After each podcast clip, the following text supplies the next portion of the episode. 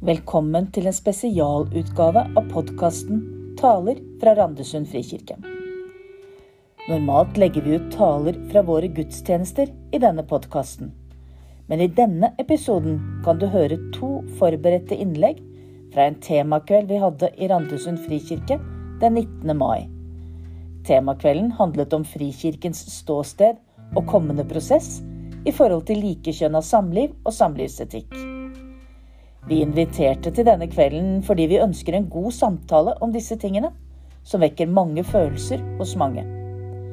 Vårt ønske er at det ikke legges lokk på en samtale, og at samtalen kan føres i respektfulle og kjærlige former.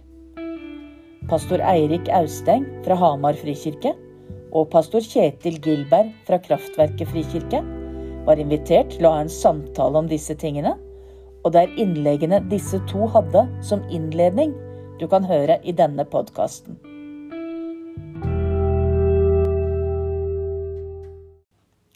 Før Eirik og Kjetil slipper til, kan det være greit å få en liten innføring i hvor Frikirken står per i dag når det gjelder spørsmålet om likekjønnet samliv. Frikirken har i dag en klassisk kristen forståelse av ekteskapet som et livslangt, monogamt forhold mellom mann og kvinne. Det betyr i praksis at ekteskap kun kan inngås mellom to personer av ulikt kjønn, mann og kvinne. I sine rettledninger til menighetene har tilsynsmennene sagt at man ikke kan fungere i en ordinert tjeneste i Frikirken og samtidig fremme et annet syn på ekteskapet enn det klassiske. Ordinert tjeneste omfatter eldste og pastorer. Videre kan ikke personer som lever i likekjønnet forhold, eller forsvarer en slik praksis, brukes som forkynnere eller ledere i våre menigheter. Og dette er altså dagens ordning i Frikirka. Så har Kraftverket Frikirke fremmet et forslag til synodemøte, Frikirkens generalforsamling, der det bes om at det skal skje en grundig utredning og drøfting av Frikirkens teologiske posisjon i spørsmålet om likekjønna samliv. Det er altså ikke et forslag om å treffe en avgjørelse om noe, men et forslag om at spørsmålet skal utredes.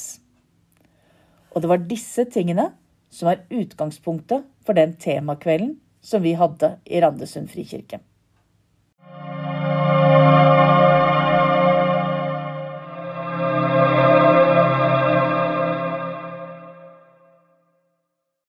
Da slipper vi til Eirik Austeng, som vil si litt om sitt ståsted og tanker, hvilke prosesser de har hatt for å komme dit de er i dag, og hva som er viktig for ham i forhold til disse tingene og den prosessen vi skal ha videre i Frikirken nå. All right. Kjekt å være her sammen med dere. Um, mine foreldre de var en del av en menighet um, som var uh, veldig konservativ og veldig lovisk. Uh, og helt på begynnelsen av 90-tallet, jeg var vel omtrent ett år, tror jeg, så fikk mamma og pappa et brev fra menigheten om at de ikke var velkomne lenger. Fordi de stilte feil spørsmål til feil mennesker på feil tidspunkt og ble regna som illojale. Og de ble regelrett kasta ut av menigheten. Og det var mange i det området på Hedmarken og Østerdalen som var en del av det fellesskapet her, som enten ble kasta ut eller brøt med den menigheten. Eh, og det ble danna en slags utbrytermenighet eh, på Hamar. Og i, i tenåra engasjerte jeg meg tungt i den menigheten.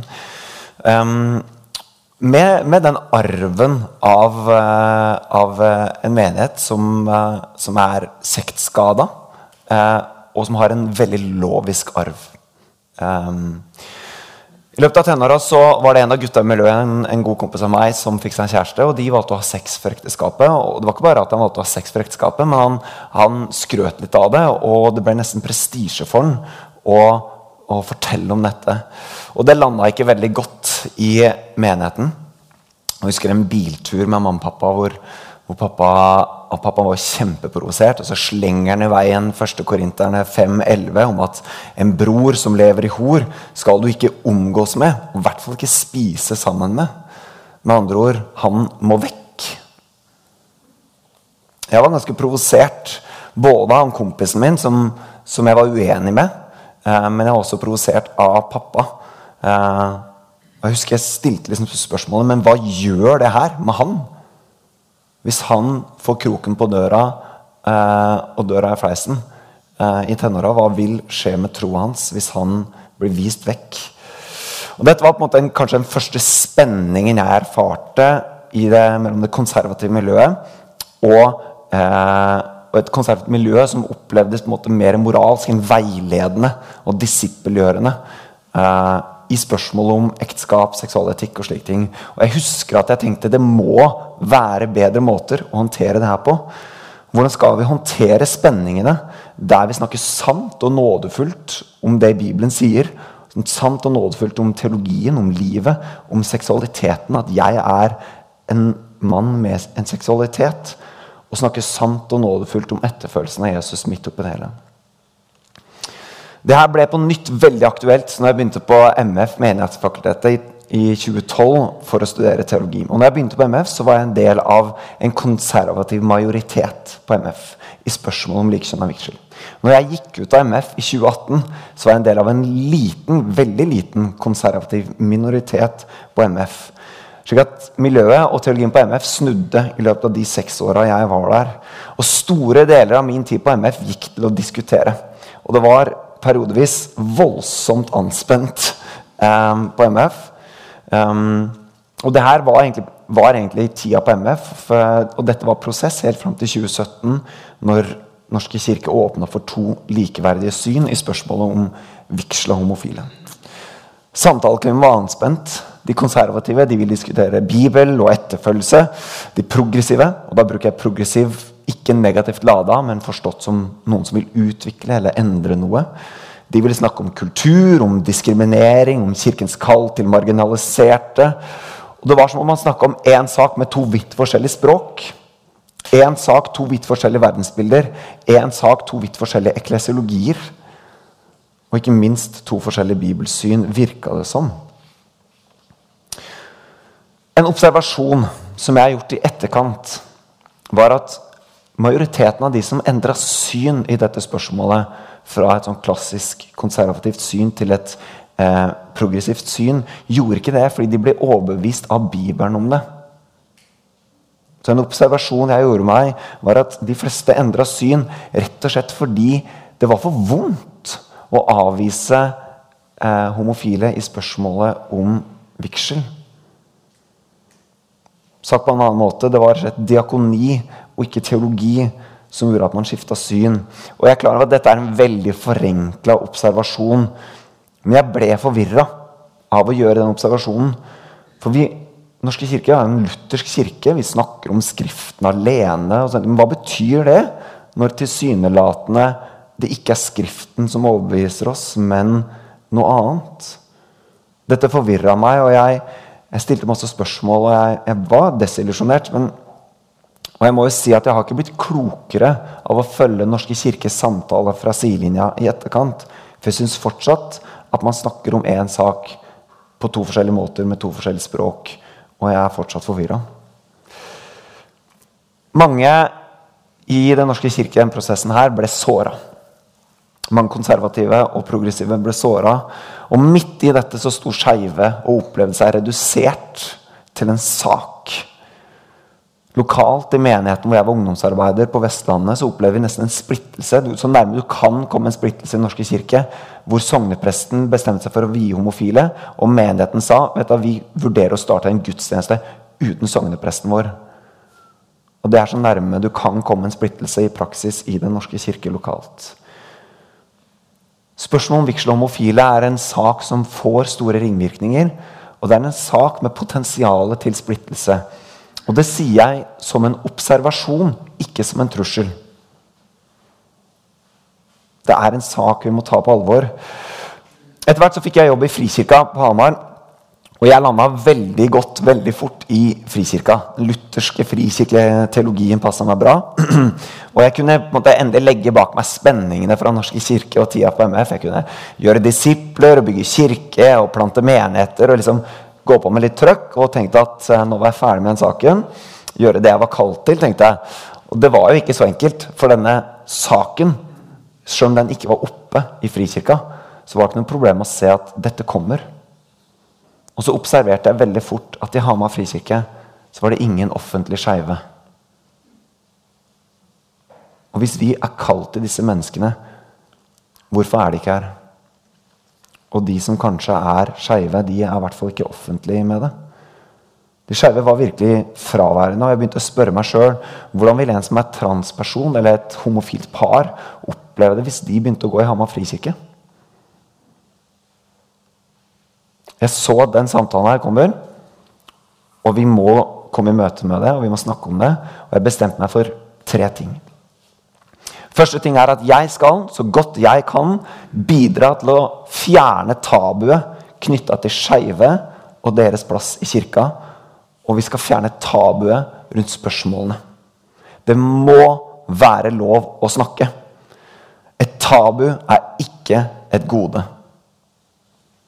Tenk hvis Hamar frikirke kunne være et sted hvor det er lettere å komme ut av skapet som 16-åring enn fotballaget.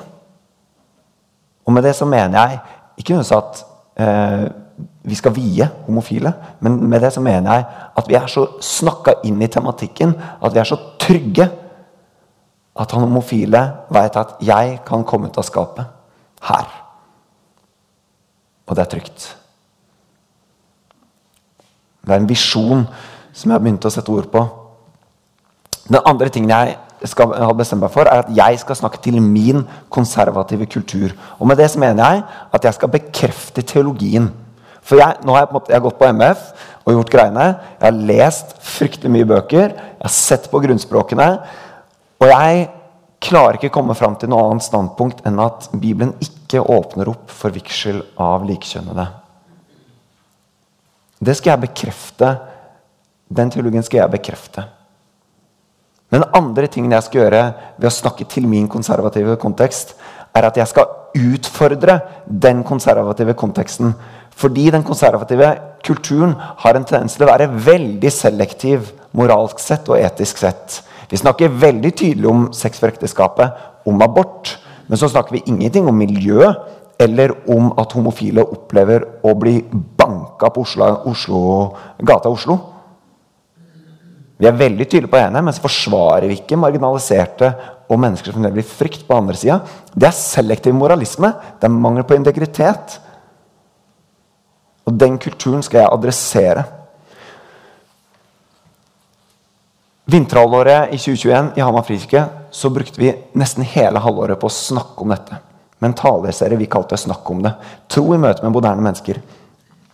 Og Vi tok tak i alle de tingene jeg mener man må snakke om når man skal snakke om eh, skeive eller LHBT-menneskers plass i kirken. Vi snakker om seksualitet, vi snakker om forsakelse, singelliv, transtematikken, homofili. Vi snakker om når livet er dritt. Vi snakker om skam. Alle temaene du må snakke om for å klare å snakke godt om den ene saken. Og Vi brukte et halvt år på det for å begynne samtalen. Og Målet var hvordan skal vi som kirke møte det moderne mennesket. Det var hensikten. Den tredje tingen jeg har bestemt meg for, er at jeg skal engasjere meg i den nasjonale samtalen for å påvirke premissene for samtalen og for samtalekulturen. For jeg lar meg engasjere, og jeg lar meg provosere. Jeg blir engasjert for det står store ting på spill. Menneskeliv står på spill. Lokale kirker og kultur står på spill. Teologi står på spill. Eklesiologi og kirkelære står på spill. Dette er en sak som berører veldig mange sider av det å være kirke. Og uten en god forventningsavklaring og klare premisser for samtalen, så blir risikoen for en dårlig samtale større. Frykten blir større. Tabuet blir større. Og En av de, en av de forventningsavklaringene jeg savner, for eksempel, er det med bibelsyn. Frikirka har sitt avklarte bibelsyn. De har utgitt dokumenter som viser sitt bibelsyn. Men, vi, men, men det virker ikke som det er premiss som alle er klar over. Og da, da snakker vi forbi hverandre. Så vi må, vi må, snakke om hvordan føre samtalen, og vi må snakke om f.eks. i bibelsyn før vi snakker om hvordan vi skal tolke Bibelen, mener jeg. Og så lar jeg meg provosere. Både av konservative og progressive. Når konservative snakker om Skriftens klare ord, så blir jeg provosert. For etter seks år på teologistudiet og har lest x antall bøker, så er det kanskje ikke så enkelt og så klart som det utsagnet tilsynelatende mener at det er. Jeg er trygg på hva jeg mener, det er ikke det. Men når Paulus setter sammen to greske ord til et sammensatt ord som vi ikke har sett brukt noe annet sted På gresk er det arse, arsenokoitai. Hva betyr det? Og kom ikke her og si at det er enkelt. Og så er jeg Jeg mener å kunne forsvare veldig godt hva det betyr. For vi finner de ordene i, i den greske oversettelsen av Gamle Testamentet. Så det er ikke det at det er like at det er, vi ikke har noe svar, men det er ikke så enkelt og så klart som det utsagnet har en tendens til å påstå. Og så lar jeg meg pro provosere av progressive som snakker om at vi har tross alt i 2022 det må da være mulig å bli ferdig med det greiene her. Det er jo en fornærmelse av min intelligens. Tror du ikke jeg er klar over at dette er vanskelig? At det er provoserende? Kom ikke her og si at bare ved å påstå at vi lever i 2022, så er det ferdig. Jeg blir provosert av det.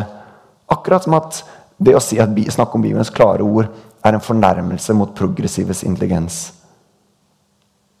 Så jeg lar meg engasjere. Og jeg lar meg provosere. Og jeg har bestemt meg for å involvere meg. Og jeg skal så godt jeg kan bidra til at vi snakker med ett felles språk og med en felles forståelse av premissene. Og så mener jeg Et viktig poeng her er at vi ikke skal adoptere Den norske kirkes eklesiologi, altså måte å være kirke på, eller Den norske kirkes språk. For jeg syns, man ikke, jeg syns ikke du fikk det veldig bra til. Og vi er ikke en folkekirke med et grunnlovsmandat til å være en institusjon på vegne av staten. Så I Den norske kirke så er det folket ikke sant, som definerer i stor grad hva det vil si å være kirke, og hvordan kirken skal være. Men vi er en evangelisk-luthersk frikirke.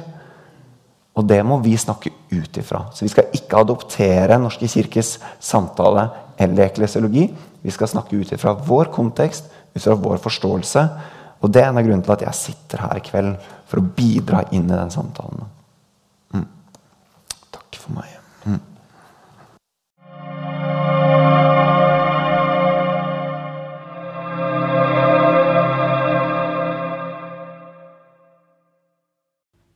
Til Eirik. Og da vil Kjetil Gilberg også få si litt om sitt ståsted og prosess, og hva som er viktig for ham i forhold til prosessen videre nå. For snart ti år siden må det være, så satt en ung mann som heter Patrick, på kontoret mitt. Han skarra like mye på R-en som dere, så kanskje noen av dere kjenner ham. Og så sa han nå orker jeg ikke å holde dette hemmelig lenger. Jeg er homofil. Og nå er jeg i ferd med å komme ut av skapet. Jeg har fortalt det til mamma og pappa og mine beste venner. Og nå, nå forteller jeg det til deg. Og så lurer jeg på kan jeg fortsatt tilhøre denne menigheten. Det var ikke noen vanlig dag på jobb. Jeg har ikke vært i en sånn situasjon før, så jeg måtte kjøpe meg litt tid. Så da sa jeg, vet du hva, Patrick, nå var du jammen tøff. Hvorfor velger du å, å, komme ut nå og si dette nå? Og Da fortalte han en klassisk historie som jeg har hørt mange skeive fortelle senere. Helt siden jeg var liten, sa han, så jeg visst at det er sånn.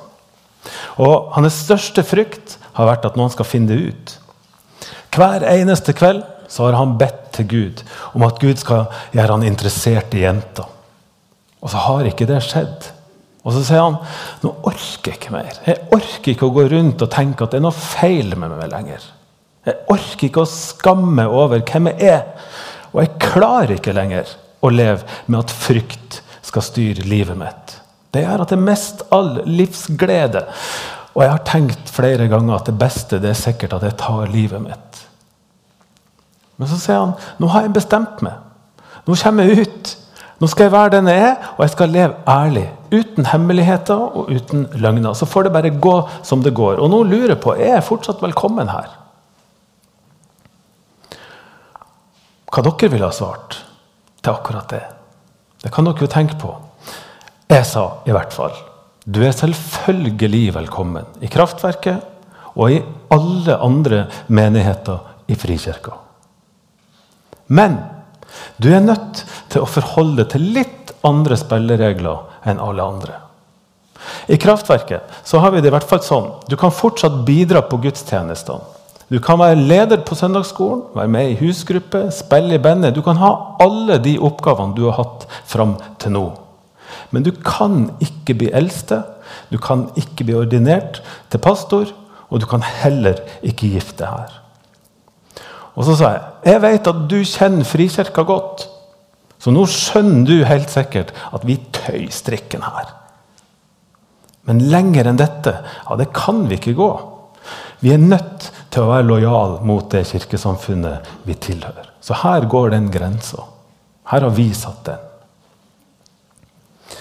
Jeg var veldig spent på reaksjonen. Det skjønner dere kanskje. Og det som skjedde, var at Patrick ble værende i kraftverket. Og da han kom ut i hele denne gjengen vår, så var det ingen som blunka engang. Men de sa ok, dette, det var på tide. Nå, nå sier du det alle har visst hele tida. Det er bra, det. Og han ble tatt imot med masse kjærlighet og masse støtte og masse aksept. Og denne historien her, den havna på førstesida i Vårt Land. I en stor reportasje over flere sider så satte Patrick ord på sin kjærlighet til Gud og sin kjærlighet til mennesker. Og om drømmen om å kunne leve livet sammen med en annen mann. Og Det førte til at det kom stadig vekk flere skeive til kraftverket. Som lurte på er det trygt her virkelig. Kan dette være en menighet for meg? Og da var det fint å være pastor, altså. Da sto vi der og klappa meg på, på skuldra og tenkte vet du hva, Kjetil Gilberg, nå, får, nå, er du med på noe stort her. Nå får du til noe som det ikke er så mange andre som får til. For nå klarer vi liksom å balansere denne lojaliteten til kirkesamfunnet og det tradisjonelle synet på likekjønn og samliv. Og samtidig så ikke bare tiltrekker vi oss skeive, men vi inkluderer dem jo nesten på lik linje med alle andre. Vi må være utrolig gode, tenkte jeg. Og vi må være utrolig gode på det å vise omsorg og på det å vise kjærlighet i praksis. Det er jo derfor de er her. Og I et par år der så var det mange mange skeive i kraftverket. Men bare Patrick ble værende. Alle de andre ble borte. Én etter én. Og En dag så fikk jeg en mail fra en av disse. Og Da forsto jeg hvorfor de var borte. For i mailen så sto det, og det må jeg lese Som du vet, så er jeg skeiv. Og jeg har besøkt mange menigheter. Av alle disse er Kraftverket den verste menigheten jeg noen gang har vært i. Dere er så hyggelige og imøtekommende og gjestfri. Og det er fint å se hvor lavt lista legges for å bli med i frivillig arbeid. Men jeg føler meg lurt. Dere er en sånn nesten, men ikke helt-menighet. Dere dobbeltkommuniserer. Dere kan være så hyggelige dere bare vil. Men dere forteller at det er noe feil med meg likevel. Når jeg ikke kan ordineres eller gifte meg hos dere pga. hvordan jeg er skapt. Da er det mye enklere å forholde seg til de menighetene som ikke legger to fingre imellom for å fortelle hva de mener Guds krystallklare ord. De kan man komme seg vekk fra uten å bli så skuffa. Det sto det i den mailen. Det var heller ingen vanlig dag på jobb. Og etter å ha lest den og svart på den, så skjønte jeg må, jeg må ringe Patrick her. Jeg må snakke med han med en gang. Og da kom han. Og da kunne jeg si til han, Patrick, nå skjønner jeg en ting jeg ikke har skjønt før. Jeg skjønner at det er jo ikke vår kjærlighet til det som gjør at du fortsatt er aktiv i kraftverket. Men det er jo din kjærlighet til oss som holder det her. Du har vist større kjærlighet til denne menigheten enn det du har fått tilbake. Det skjønner jeg nå, og det sa jeg til ham. Og Da bekrefta også han hvor sårt det har vært å komme til kirka hver søndag og bli minnet om at han egentlig ikke er inkludert på lik linje med alle andre. Det er ordentlig sårt, sa han. Og fra et menneskelig ståsted så oppleves jo dette her blodig urettferdig. Og Som pastor så kjente jeg at det gikk på samvittigheten løs å skulle stå i front for ei sånn behandling av skeive. Anfinn Nordbø, en homofil mann som måtte bryte med familien sin og med kirka si, han har sagt det sånn Tenk deg at Gud ser ned på jorda. Og Gud ser alle voldtektene, drap, hungersnød, flyktninger og masse annet som ingen bryr seg om. Og så ser Gud med, som går hand i hand med en gutt. Tenk at det er som gir kjærlighet, og som får kjærlighet tilbake. Tenk at det er som er det store problemet. Mange som står støtt på den tradisjonelle læra, har tatt til orde for at vi må bli flinkere og inkludere skeive. Og det syns jeg er ordentlig, ordentlig bra. Og jeg tror ikke det står på viljen hos noen.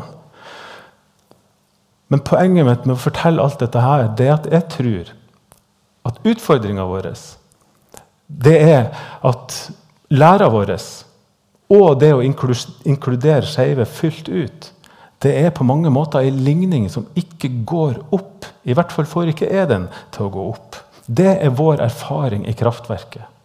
Vi får det ikke til når vi har den læra vi har, og samtidig inkluderer skeive fullt ut. Og Hvis ikke vi beveger oss i dette spørsmålet her nå, så tror jeg at i framtida vil det være like få skeive i Frikirka som det er i dag. Jeg tror at vi som kirkesamfunn kanskje kommer til å bli det som kraftverket har vært i mange år. Nemlig nesten, men ikke helt menighet. En kirke som er flink med folk, men som dobbeltkommuniserer. Det berører meg også på djupet at jeg som pastor må forkynne noen ting og forsvare noen ting som jeg opplever ikke gir plass til det bildet jeg har av en god Gud. Jeg har vokst opp i nord, som jeg sa i stad, Jeg er i frikirkemenighet og i et hjem som har formidla at Gud er kilden til alt godt. Og Hvis du skal lete etter kjennetegn på at Gud er i nærheten, Kjetil, har jeg blitt fortalt på, Kjennetegn på at Gud er til stede i vår hverdag, så må du kikke etter sånne ting som kjærlighet, glede, fred, trofasthet, godhet, vennlighet, selvbeherskelse, ydmykhet. Ja, alle åndens frukter, som vi kan lese om i Galaterne 5. Der finner du Gud, i disse tingene. Og Da spør jeg meg, hvis det er sant, kan det også da være sant at Gud har laga ei ordning som står urokkelig fast til alle tider? Og at den står til, uh, urokkelig fast til alle tider, til tross for at den fører til hemmelighold, til frykt, til sjølforakt og til utestengelse hos ei allerede sårbar gruppe. Jeg syns det er et tankekors. Og så syns jeg det er et tankekors at når man frigjør seg fra denne læra, ja, så erfarer vi i hvert fall at enkeltmennesker settes fri. Sjølforakt erstattes med sjølrespekt. Hemmelighold og løgner ja, det erstattes med åpenhet. Frykt det erstattes med fred. Dette er objektivt gode ting. Og Paulus han beskriver synd som noe som fører oss vekk fra Gud, og det støtter jeg helt. I dag har vi mange åpne skeive i kraftverket som er aktive og som har en sterk tilhørighet. Og tro meg, det er altså en sånn gave å ha for en menighet. Og så ser vi hos de at selv om de enten allerede er gift, eller om de bare drømmer om å bli gift med en av samme kjønn, ja, så har de jo ikke vendt seg vekk fra Gud.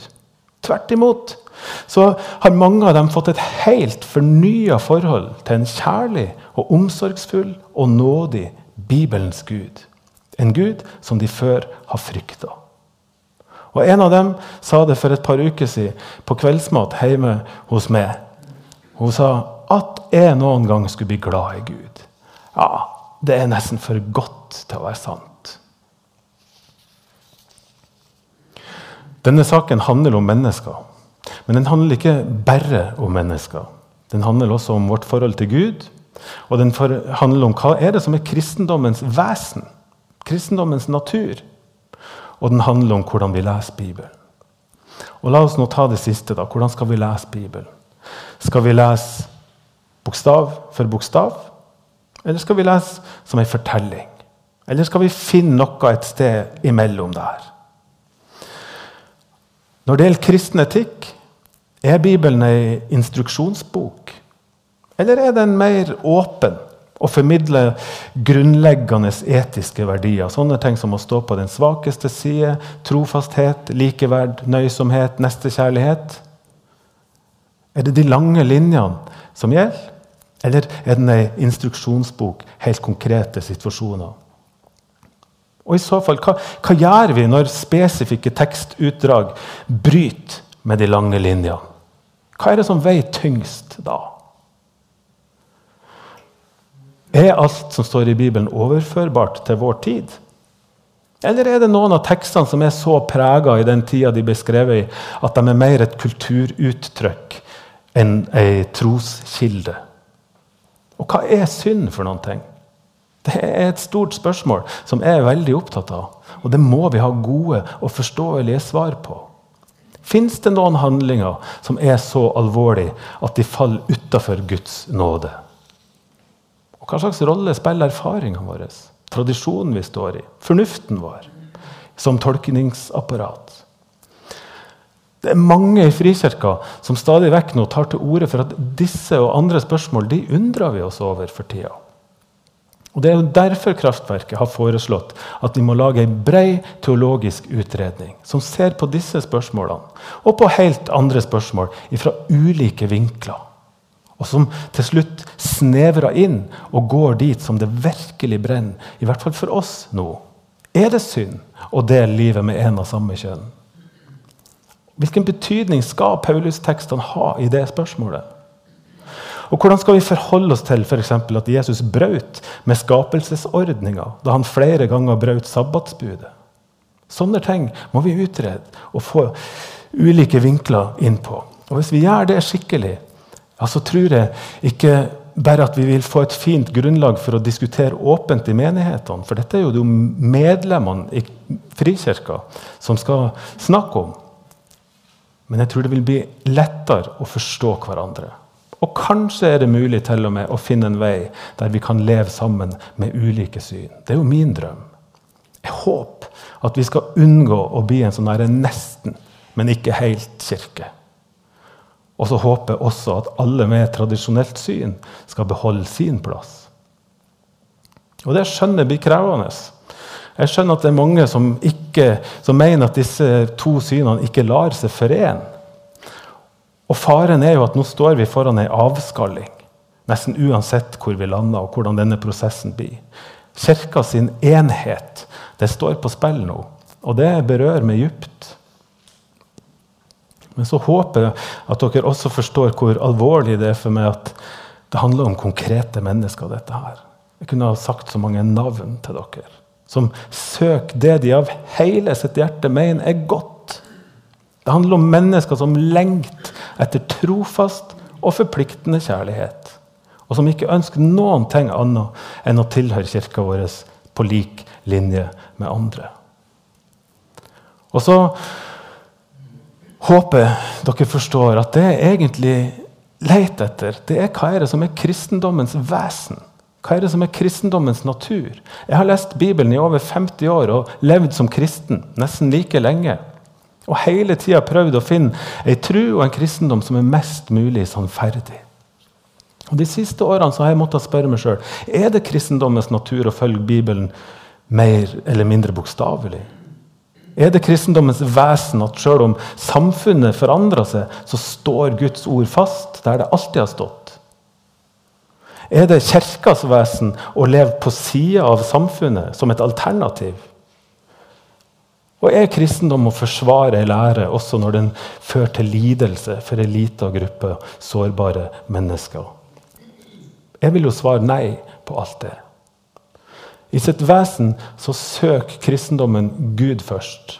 Og det ønsker jeg også å gjøre. Og deretter så gjør kristendommens vesen alt den kan for å spre kjærlighet, glede, fred og rettferdighet i en verden som er marinert altså, i hat, sorg, motløshet og andre dødskrefter. Jeg tror at sunn og sann kristendom stadig er i utvikling. og at Gud gjennom Den hellige ånd leder oss i denne utviklinga. Jeg tror at Bibelen veileder oss i etiske spørsmål. Men jeg tror ikke at den veileder oss bare gjennom absolutter som er urokkelig i enhver situasjon. Jeg tror at handlingene våre må settes inn i et større bilde. Før de oss mot lyset? før handlingene oss mot det mørke? Og Når jeg leser Bibelens veiledning i etikk på den måten som en veiviser i å gjøre det gode, så visker ikke jeg bort Gud, som er opphavet til alt godt, men tvert imot Gud blir større og større. Og nåden, Guds nåde, ja, den blir mer omfattende enn jeg noen gang kunne ha forestilt meg. En nåde som er, og som dere, og som denne verden trenger mer enn noen gang. En nåde vi er kalt til å ta imot, og en nåde vi er kalt til å gi videre. Og når dette skjer, ja, da tror jeg faktisk trua vår får, og kirka får, relevans og mening i det samfunnet som vi lever i. Og det er en sånn kirke jeg har lyst til å være en del av.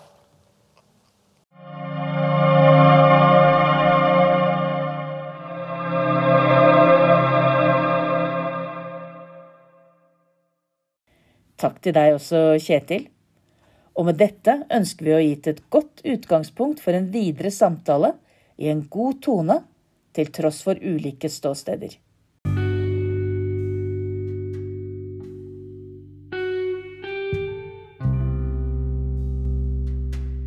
Du har nå lyttet til en spesialutgave av podkasten Taler fra Randesund frikirke. Lytt gjerne til andre episoder med taler fra våre gudstjenester, som du finner samme sted som denne. Eller på vår andre podkast, Randsoner, der vi snakker med ulike mennesker om troen, livet og menigheten.